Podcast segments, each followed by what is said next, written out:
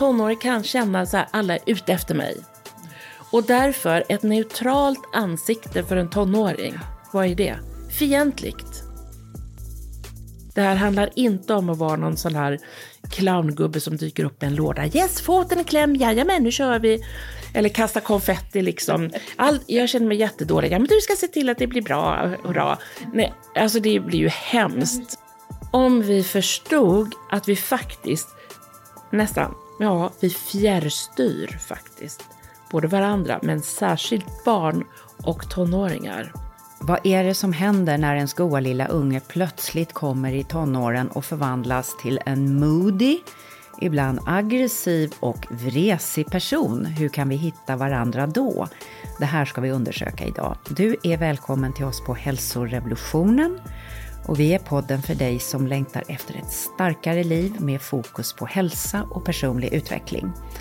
Jag är Maria Borelius, biolog och vetenskapsjournalist och har förmånen att få podda med Drum, drum, drum. Med mig, Karina Lundstedt, förläggare och producent och ja, fortfarande tonårsmamma. Jag har en 19-åring mm. hemma och idag ska vi undersöka hur vi stärker dialogen och kommunikationen just när det kan skava som allra mest med våra tonåringar. Som både kan fungera som stora och starka och kloka och ändå vara så otroligt truliga, retliga och frustrerande. Ja, hur ska vi ta oss igenom det här och hitta bra bryggor utan att också gå sönder själva av eh, oro och, och stress och vad det kan vara? Mm. Och vi har förmånen att få med oss Lena Skogholm som vi tidigare haft som gäst, en favoritgäst.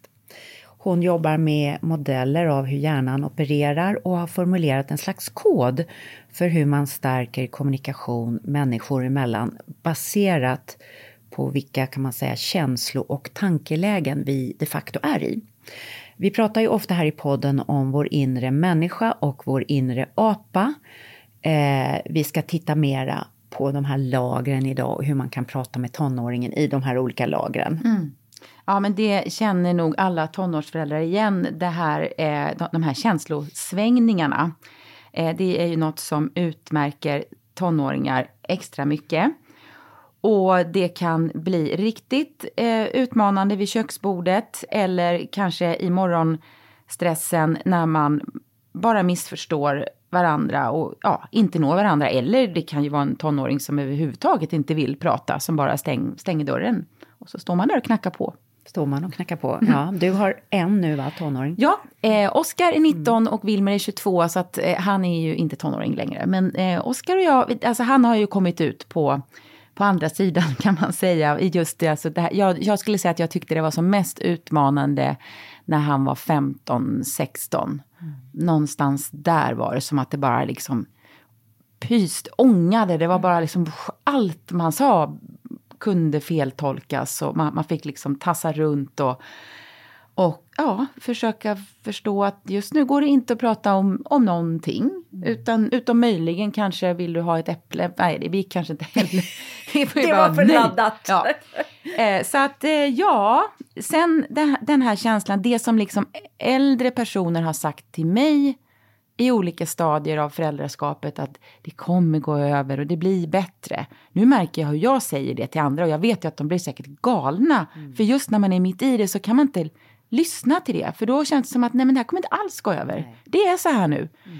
Men jag tror idag när vi pratar väldigt mycket om psykisk ohälsa, då tror jag att det är väldigt viktigt att förstå, lära sig mer om tonårshjärnan, vilket vi ska göra idag. För jag mm. tror att det kan vara lätt att börja tänka i form av diagnoser när mm. det kan vara helt rimligt att göra det men det är inte alltid det liksom är att man behöver gå hela den vägen. Mm. För att det är ju normalt att vara tonåring och att känslohormon, allting bara stormar, eller hur? Absolut. Jag har ju gått igenom fyra tonårsfaser ja. och alltså ibland har jag varit så förtvivlad. Jag har bara stått och hållit mig i väggen och tänkt liksom, vad gör jag nu? Ja. Och jag har ibland bara helt upprymd, vilken klok liten unge mm. som det här ja, håller på att bli. Ja. Och ibland bara varit så jävla arg, alltså. Gått igång. Mm. Så eh, jag är så nyfiken på det här samtalet. En av barnen var bara tyst i tre år. Ja, spännande. Sa inte ett ord. Det är, och, och, och jag har haft utbrott. Jag, jag, jag har varit med om allt, Ja. tror jag. Ja, det Eh, och det här har också varit väldigt utmanande för mig för att jag hade sjuka föräldrar Mm. när jag själv var tonåring och kunde aldrig vara tonåring. Så jag har liksom tänkt, fan vad ni tar för er att Ja. vara tonåringar, det fick ju aldrig jag Nej, vara. men det blir ju så. Ja, Man så det, sig. Mm. det är liksom många, många funderingar och jag, många sitter ju med det här. Det Men något jag fastnar i bara, vi, vi ska släppa in Lena här nu, men det var det här med, och jag vet att min pappa hade samma så här, att man inte känner sig respekterad. Att man Som förälder? Ja. Skojar du? Man är ju i nivå Ja. med disktrasan. Ja, och det tror jag då att föräldrar eh, då kan fastna, ja men nu har jag liksom misslyckats kanske med någon slags uppfostran. Mm. Jag har eh, ett barn som inte respekterar vuxna och, och inte liksom uppför sig ordentligt och så fastnar man i det. Och där blir det ju att man pratar helt olika språk och Ja. att man inte kan se den längre bågen. Eh, för, jag, för om jag minns om hur min pappa som inte lever längre, hur han kunde skälla på mig och liksom Ja, du, du tänker bara på dig själv eller du, du bryr dig inte om mig. Ja, det kunde liksom Mm. bli väldigt tjurigt. Jag, jag tror att det är lätt att man liksom överdriver den där Mm. oron och tänker att, ja, att man har misslyckats på något sätt. Katastrofscenariot. Ja, i limbiska systemet, i apan. Mm. Ja, Då går den igång katastroftankar. Allt det här ska vi prata med dig om, Lena Skogholm, som sitter i vår studio. Välkommen hit. Tack så jättemycket.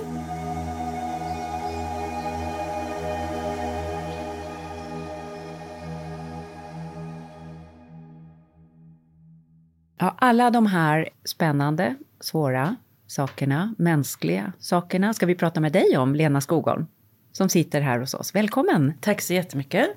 Du har varit med här förut. Jag älskade vårt samtal då. Samma här. Lärde mig massor. Och du är författare och till en rad böcker, nu till nya boken Koden till tonårshjärnan. Och föreläsare. Jag blir ju nyfiken när vi har pratat om alla olika tonåringar och inte. Hur var du själv som tonåring? Alltså, jag, jag var väl dubbel och det tänker jag som många tonåringar är faktiskt. På ett sätt kanske jag var lite fantastisk, att jag var väldigt engagerad i den här frivillig eh, hjälpsamhet, välgörenhet. När jag konfirmerade mig då skänkte jag alla mina pengar till eh, sån organisation till exempel. Eh, Så att jag hade ett engagemang som kommit till uttryck. Men samtidigt inåt, inom mig, så var det kanske en annan melodi där jag kanske hade mer eh, Eh, mörka tankar faktiskt. Jag är en tänkare och grubblare och det är ju inte ovanligt att det börjar liksom att man börjar tänka redan där i tonåren. När det handlar om en, att hitta sin, liksom, sitt nya liv och allting så kan existentiella tankar dyka upp. Så var det för mig. Så det var inte alltid så roligt att leva utan jag kanske tänkte tvärtom i, ibland också. Mm. Vad var, vad var det för tankar? Alltså jag tyckte, jag tyckte nog inte att det livet var toppen helt enkelt.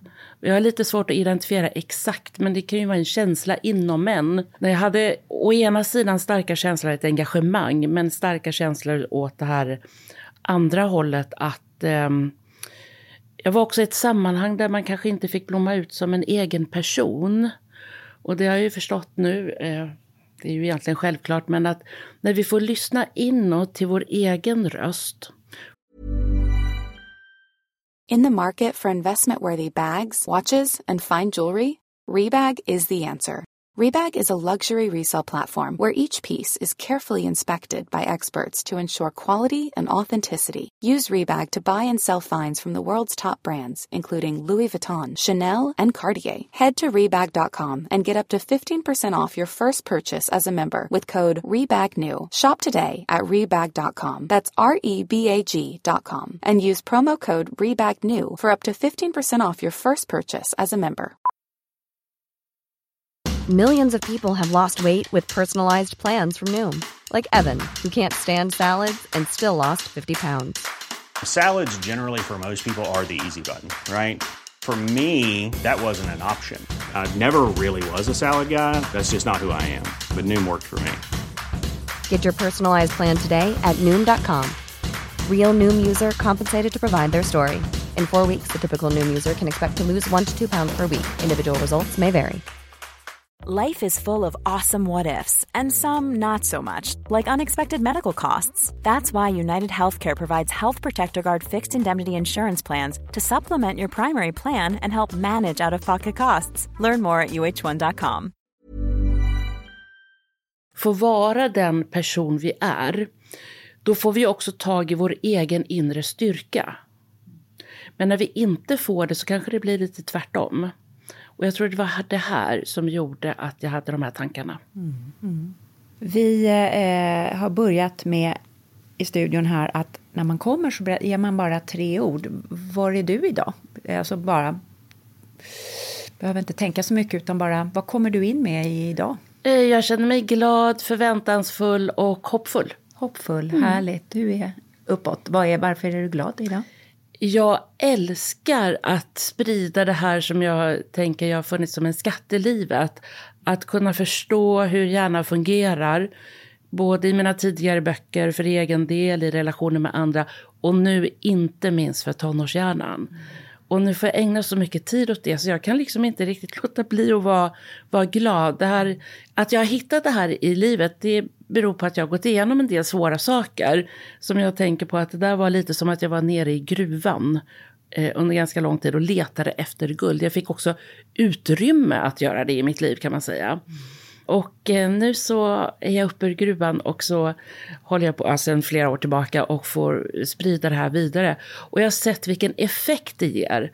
Eh, så det var någon förhandsläsare då till koden till tonårshjärnan som återkopplade så snart hon hade läst den och säger så här. Alltså nu har jag läst din bok och jag, jag, direkt efter att jag läste boken så fick jag en bättre kommunikation med min tonåring hemma. Mm.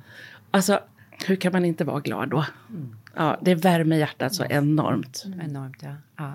Eh, jag rekommenderar alla som lyssnar att lyssna på vår tidigare podd med Lena också, för där berättar du mer utförligt om den här långa resan som du hade. Du talar om att vara nere i gruvan och leta efter guld och du berättar om det som ledde fram till eh, att du är där du är idag med den kunskap du har idag. Mm. Jag tänker att först måste vi bara få lite koll på terminologin. Vi har pratat om människohjärnan, frontalloben, vår visa hjärna. Vi har pratat om aphjärnan, det limbiska systemet, känslohjärnan. Och du pratar också om reptilhjärnan, fara, flykt. Vad är det för skillnad på de här tre lagren? Människan, apan, reptilen. Mm. Om man tänker så här, jag tror de flesta av oss har sett en bild på en hjärna. Och då kan man ju se att det är olika typer av strukturer i olika nivåer. Man ser längst ner hjärnstammen, det ser lite annorlunda ut där i mitten av hjärnan och sen har vi hela hjärnbarken med pannloberna. Och då kan man ju fråga sig, kan detta vara tre medvetandelager vi har? Och här visar ju forskning, bland annat då den prisbelönte forskaren Robert Sapolsky beskriver det här i sin bok som är faktiskt faktagranskad av 24 forskare från olika universitet i USA. Han beskriver då den här forskningen som egentligen togs fram då för länge sedan, men hur vi kan ha nytta av att förstå hur man agerar när den ena eller andra delen i hjärnan är aktiv så att säga. Och nu ska ju inte det här förstås självklart som tre legobitar på varann, utan hjärnan är ju så mycket mer komplicerad. De här delarna har ju både växt var och en för sig men också tillsammans. Det är massa nätverk mellan dem. Men som en metafor för att förstå beteenden i vardagen så är det väldigt, väldigt hjälpsamt för oss. Och jag tror att vi alla någon gång har sett beteenden liksom som kommer från den ena avdelningen efter den andra. Fast vi kanske inte exakt tänker på det i vardagen. Mm. Vi ska gå in på det snart och har ett väldigt bra exempel i din bok med Peter. Men jag tänkte också att det brukar vara hjälpsamt att tänka sig evolutionen. Hjärnan har ju vuxit ur en liten knut med nervceller och blivit större och större, mer utvecklad. Och vi för länge sedan var vi reptiler. Då handlade det om att söka sig till mat eller dra sig från fara. Och så växte hjärnan och då växte delar till och då kommer däggdjurshjärnan, det vi kallar aphjärnan, känsla, band, föräldraskap, relationer, flocken och så växer hjärnbarken upp och där ligger allt det här mänskliga, planering, helhet, överblick. Känns det som en rimlig bild? Ja men exakt, vad bra mm. att du lyfter det. Därför att och varför växte hjärnan på det här sättet? Jo, för det var ju så att utvecklingen gick framåt. Ungefär för 200 miljoner år sedan menar forskarna att däggdjuren uppstod. Och då räckte inte reptilhjärnan till. För en av de största skillnaderna från reptildjur till däggdjur, det är att man blir flockdjur. Och är man flockdjur måste man ha koll på andra saker än ett reptildjur. Alltså, du behöver nya delar i hjärnan. Mm. Och varför är känslocentret så centralt i aphjärnan, då som jag kallar den? Jo, därför att du behövde säkerställa din plats i flocken. Känns det bra mellan dig och mig? Så att man kände att man var en del av flocken. Det är ju därför relationer är så viktigt. Mm. För utan flocken kunde man dö. Så det var livsviktigt. Och sen utvecklades vi människor och då räckte inte de här gamla delarna till. Utan vi fick de här nya delarna med både hjärnbarken och inte minst då pannloberna. Pannloberna, och mm. vad är det vi kan göra i den här människohjärnan som vi inte kunde göra? Vad är det som är så viktiga funktioner, de här högre funktionerna? Som, där vi fort blir trötta men som också ger oss vår storhet. Vad ligger där uppe? Det är ju egentligen förenklat kan man säga vårt logiska tänkande. Men det innebär väldigt mycket. Hela vår kognition, vår förmåga att lägga upp planering, för vi kan tänka i tid. Förut var det si, nu är det så här, det kan bli så här. Jag kan ta olika perspektiv. Ja, du tänker si, du tänker så. Jag tänker så här, men för helheten kanske det här blir bättre. Och här kan vi också styra våra impulser från de lägre delarna, från reptilhjärnan eller från aphjärnan och se passar det att släppa fram den här nu eller inte. Så det är som lite dirigenten. Och här har vi också att förmågan att kunna ta egna självständiga genomtänkta beslut. Alltså vi behöver inte styras av de äldre delarna utan nu kan jag bestämma då lite så det är lite som dirigenten här för helheten i hjärnan. Mm. Dirigenten med några väldigt bångstyriga medlemmar i orkestern, så kan man väl säga. Verkligen. verkligen. Eller, ja. Och starka röster ja, också. Stark. Så det gäller, det gäller verkligen att hålla den där taktpinnen hårt i handen. Ja, och blir vi för trötta, vad händer? Då tappar vi den. då ballar orkestern ut. Då kör mm. apan och reptilen igång. Precis.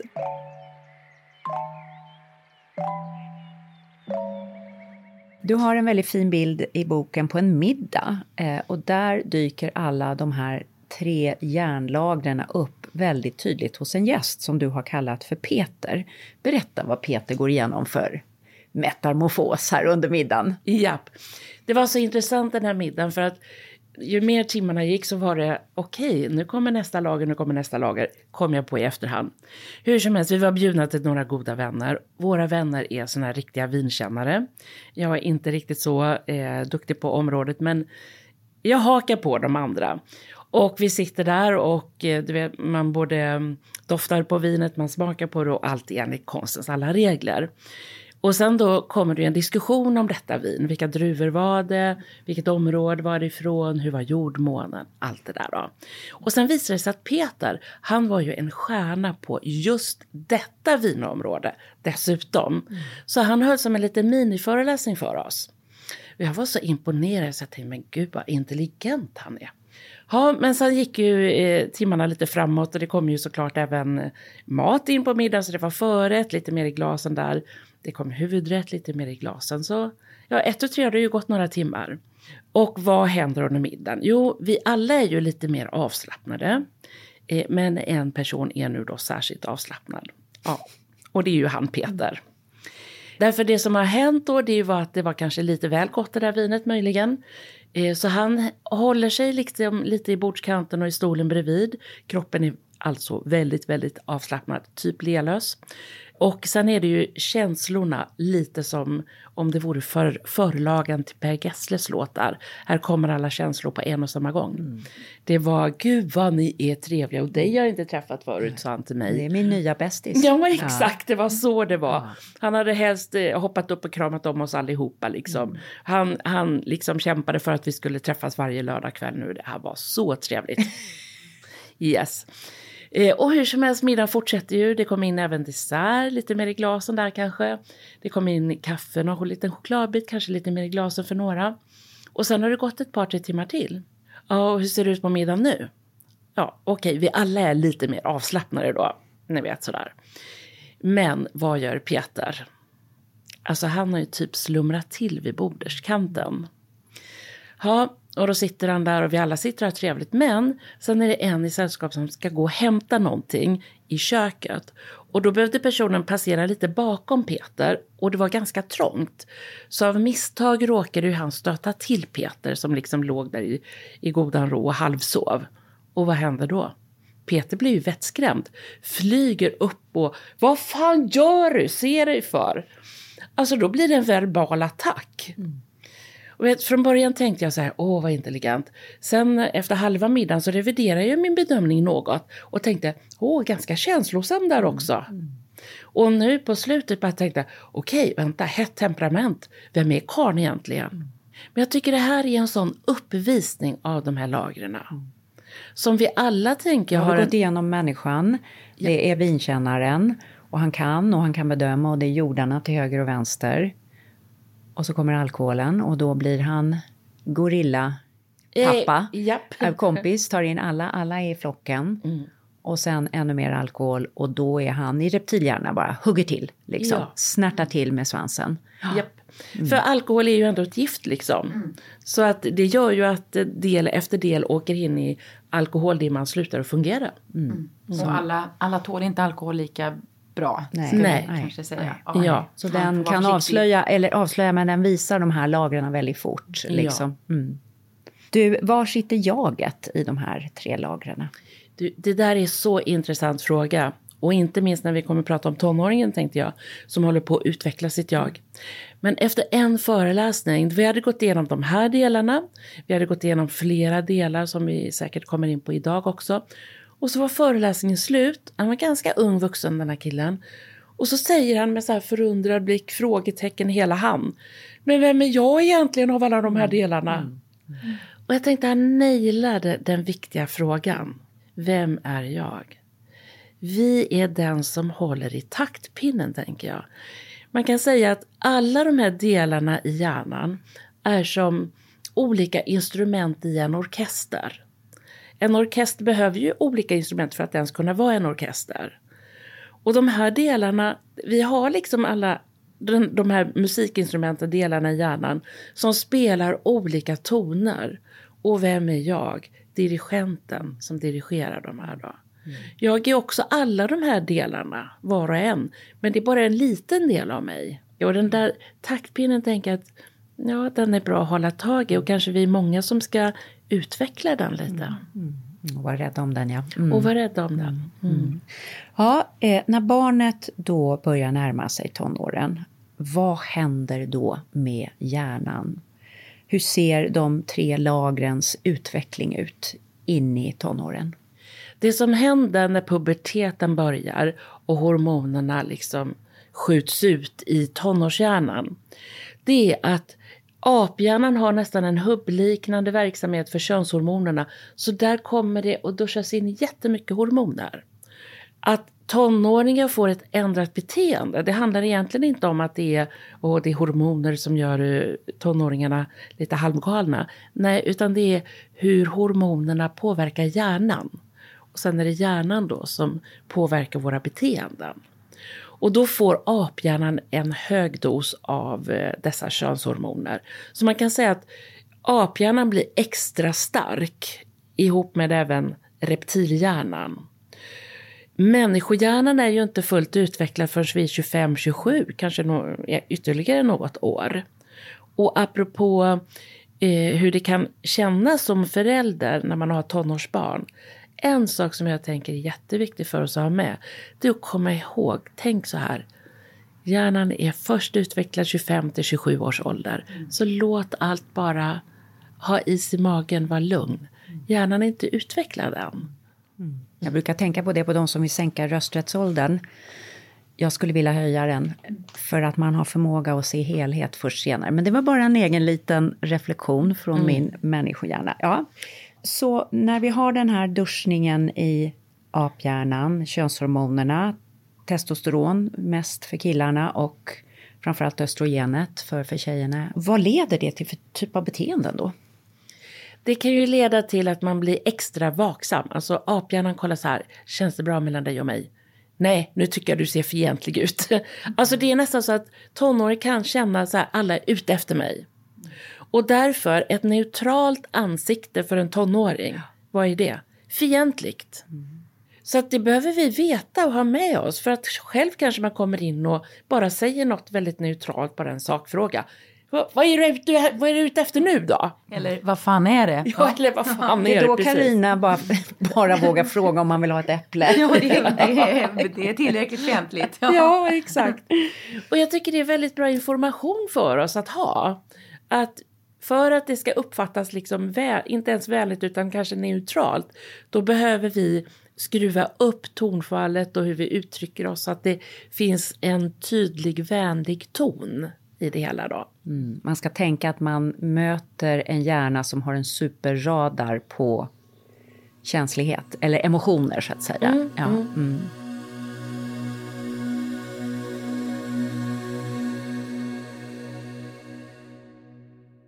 Du, stress, då är vi ju nere i vår reptilhjärna. Eh, hur påverkar, du säger att reptilhjärnan är stark då, hur påverkar stress tonårshjärnan? Tonårshjärnan är ju särskilt sårbar för stress.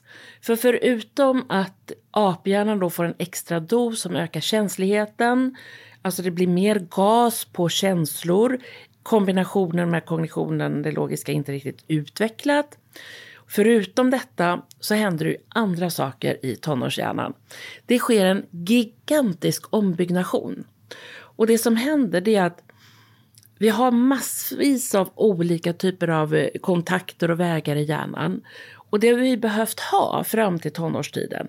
Men nu ska det här då eh, sorteras ut vilka som ska vara kvar. Så bara de man behöver kommer vara kvar.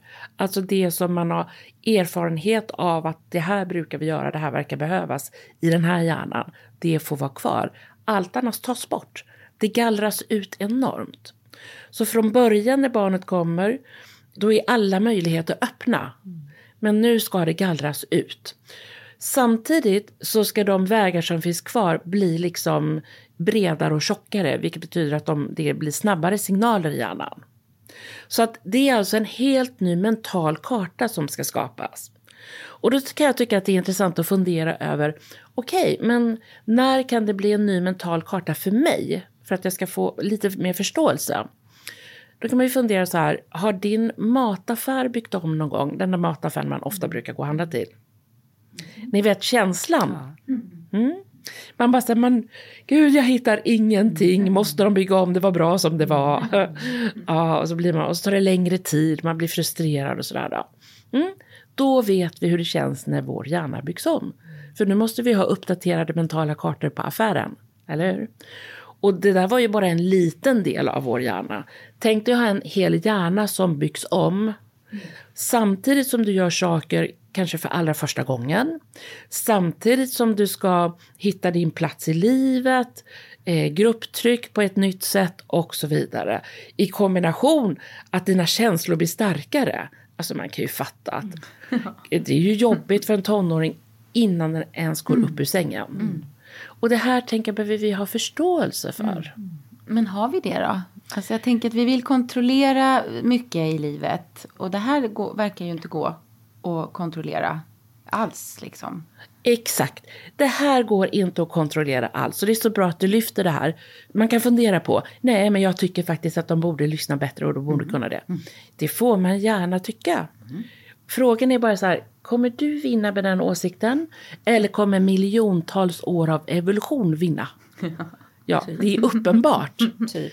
Så det är lika bra att samarbeta med det som händer i hjärnan och det är ju det som är hela mitt budskap som jag vill föra fram. För att det ska underlätta både för en själv och för eh, tonåringar. Så något av det viktigaste vi kan göra och om vi tittar i vårt samhälle idag dessutom när det finns alldeles för stor del av den, det är att minska stressen. För stressen ställer till det i en tonårshjärna. Och nu när vi håller på och pratar om reptilhjärnan. Ett begrepp som jag tycker är väldigt viktigt att lyfta in här. Det är, om vi tänker så här. Om det är en olycka om man kommer till sjukhus och möter en akutsjukvårdare. Då tar ju de hand om en och ofta kan det vara så här, du har gjort illa benet, nu skjutsar vi dig till röntgen och sen ser vi vad som behöver göras. Det är kort, konkret och tydligt. Man är akutsjukvårdare. Om det är en blödning till exempel, ja då kanske det kan låta eh, vi har sett att du har varit med om en olycka, vi har lagt ett tryckband och vi ska nu åka och du ska få träffa en läkare som ska undersöka vidare. Tre korta meningar, kort, konkret, tydligt. Okej, en akutsjukvårdare skulle ju aldrig någonsin springa omkring och så här. Nej men gud, vad har hänt? Vad läskigt! Åh, jag kan inte se det! Nej men åh, mamma Mia, varför var du i den situationen så att du blev drabbad av det här? Alltså det är ju så sjukt, det skulle aldrig hända. Om vi lyfter det här tänket till en tonåring som agerar utifrån reptilhjärnan, kanske i en explosiv situation. Det kanske är en stol som flyger genom luften, en dörr som liksom slås igen, eller det är ord som liksom massa olika svärord och andra ord, man skriker verkligen. Vad är det vi ser? Vi ser gamla biologiska system ha tagit över tonårshjärnan. Och egentligen skulle man kanske kunna se det här som en känslomässig blödning inom citattecken. Vad behöver du då som tonårsförälder eller om du träffar tonåringar i ditt arbete? Vad behöver du träda in som? En akut känslovårdare. Mm. Samma idé, kort, konkret och tydligt. Så vad, gör, vad säger man då? Mm. Jag finns här, jag plockar undan, vi tittar på det sen. Som ett exempel. Mm. Gud vad bra.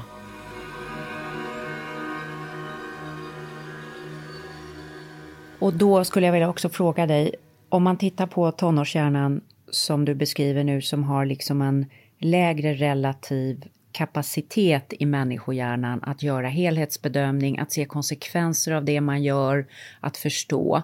Det är ju en enorm diskussion om gängkrigen nu i Sverige. Det skjuts folk nästan varje dag känns det som. Jag vet inte om det riktigt är så, men det är väldigt många. Och gängen rekryterar tonåringar att utföra de här dåden. Vad tänker du då om det? Om vi tar bara järnvägen in i frågan så att mm, säga. Ja, det är den jag är nyfiken ja, på. Ja, jag förstår. Då tänker jag så här. När barnet kommer ut från mammans mage. Av de här tre delarna, vilken är det som fungerar? Det är ju reptilhjärnan. Mm. Ett barn skriker om det är hungrigt, den bajsar, den gör, den sover, den gör allt det här grundläggande. Sen utvecklas då aphjärnan, det vill säga nästa del, i samspel med omgivningen. Det betyder alltså att aphjärnan präglas väldigt mycket av den omgivning den hamnar i. Där lär vi oss att aha, det är så här vi ska eh, skapa relationer. I den här gruppen, ja. Som I den här gruppen. Mm. Om ett barn får trygghet och blir älskat och sett och får uttrycka sig själv, eh, då vet man, ja men här kan man samarbeta bra. Här är det vänliga eh, liksom sinnade i flocken. Ja men då tror jag gott om andra. Mm. Är det tvärtom, att man inte blir lyssnad på, det kanske är, kan vara av många olika skäl, psykisk ohälsa, trauman man har med sig av olika slag, auktoritärt eh, förhållningssätt i familjen, du ska vara tyst, håll tyst, eller kanske är det eh, är våld i hemmet. Det finns ju många olika aspekter på detta. Ja, då har man lärt sig att världen är en otrygg plats och jag ska vara misstänksam. Alla kan vara mina fiender. Okej. Okay.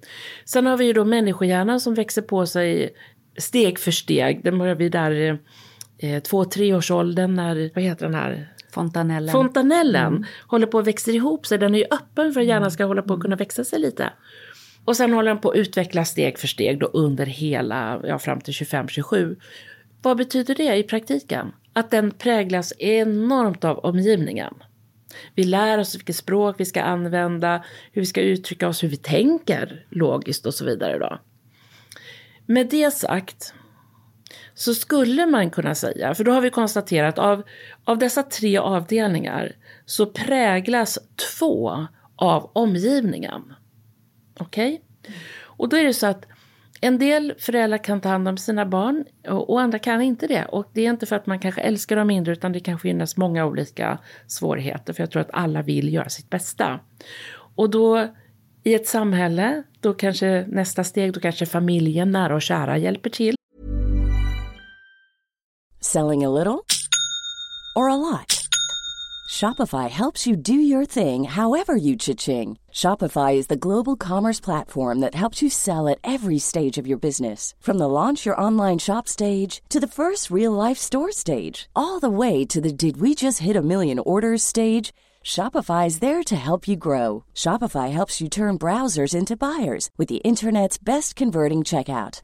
36% better on average compared to other leading commerce platforms because businesses that grow grow with Shopify. Get a $1 per month trial period at shopify.com/work. shopify.com/work. Hold up. What was that? Boring. No flavor. That was as bad as those leftovers you ate all week. Kiki Palmer here, and it's time to say hello to something fresh and guilt-free. Hello Fresh. Jazz up dinner with pecan-crusted chicken or garlic butter shrimp scampi. Now that's music to my mouth. Hello Fresh. Let's get this dinner party started. Discover all the delicious possibilities at hellofresh.com. Hey, it's Ryan Reynolds, and I'm here with Keith, co star of my upcoming film, If, only in theaters, May 17th. Do you want to tell people the big news? All right, I'll do it. Sign up now and you'll get unlimited for $15 a month in six months of Paramount Plus Essential Plan on us. Mintmobile.com slash switch. Upfront payment of $45 equivalent to $15 per month. Unlimited over 40 gigabytes per month. Face lower speeds. Videos at 480p. Active Mint customers by 531.24 get six months of Paramount Plus Essential Plan. Auto renews after six months. Offer ends May 31st, 2024. Separate Paramount Plus registration required. Terms and conditions apply if rated PG. Att ta hand om barn så att det blir bra. Och finns inte det, då ska samhället hjälpa till. För att prägla de här delarna på ett bra sätt. Stärka tonåringar, och ungdomar. Jag känner, ska jag säga det här eller inte? Men jag säger det med viss försiktighet. För man kan inte på ett sätt tolka det bokstavligt. För att ihop med detta så kommer ju barnet ur mammas mage med en biologisk uppsättning som påverkar också starkt. Men kan vi tänka oss den här tanken att ett samhälle får de tonåringar det förtjänar? Jag kastar ut den tanken. Och sen tycker jag var och en får tänka själv. Och jag vill också citera Hjalmar Söderbergs dikt som jag tror vi alla har hört. Men i det här sammanhanget så tycker jag att den talar starkt till oss. Man vill bli älskad. I brist därpå beundrad. I brist därpå fruktad.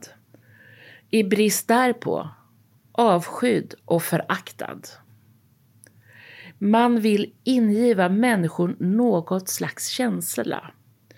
För själen ryser för tomrummet och vill ha kontakt till varje pris. Wow. Mm, den är...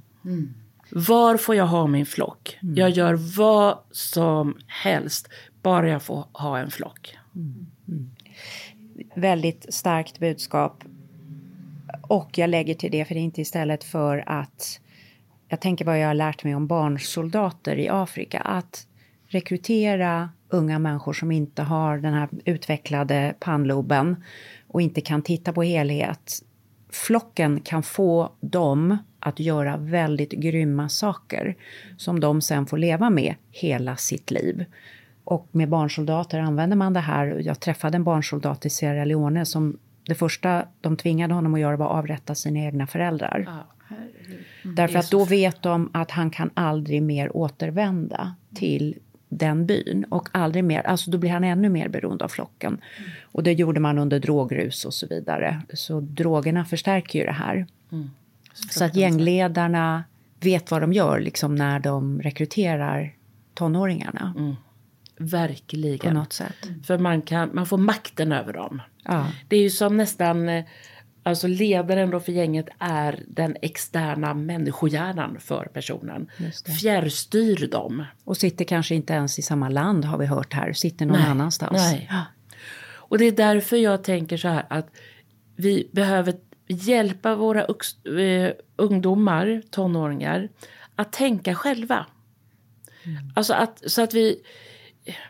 Man kan ju tycka att det är bekvämt om barn lyder. Ja, men är det bra egentligen? Alltså vissa ramar, det är ju självklart naturligtvis. Men det absolut viktigaste, det är ju att ha dialog. Att man får lära sig tidigt att tänka själv. För det är motgiftet. Och ihop med, när vi pratade här också då, en stöttande omgivning förstås. Och att få känna hopp. För jag tror om man inte känner hopp, ja och så kommer det ett alternativ. Ja, det är ju mitt enda alternativ då. Då blir man i Hjalmar Söderberg-dikten. Exakt. Man klättrar neråt. Precis. Ja. Exakt. Ja, där tar vi en liten paus med Lena Skogholm som precis kom med sin nya bok om tonårshjärnan.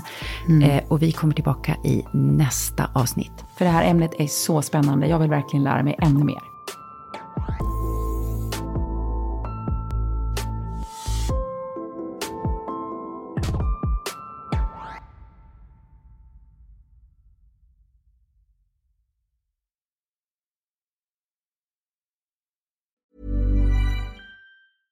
Ever catch yourself eating the same flavorless dinner three days in a row?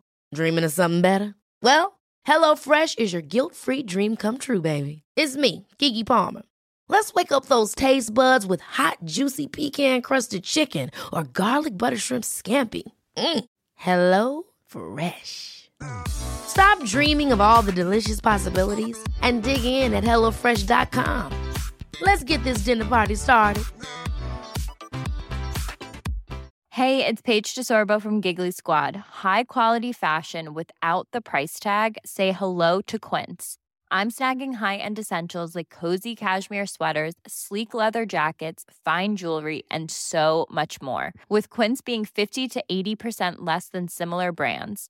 And they partner with factories that prioritize safe, ethical, and responsible manufacturing. I love that. Luxury quality within reach. Go to quince.com slash style to get free shipping and 365 day returns on your next order.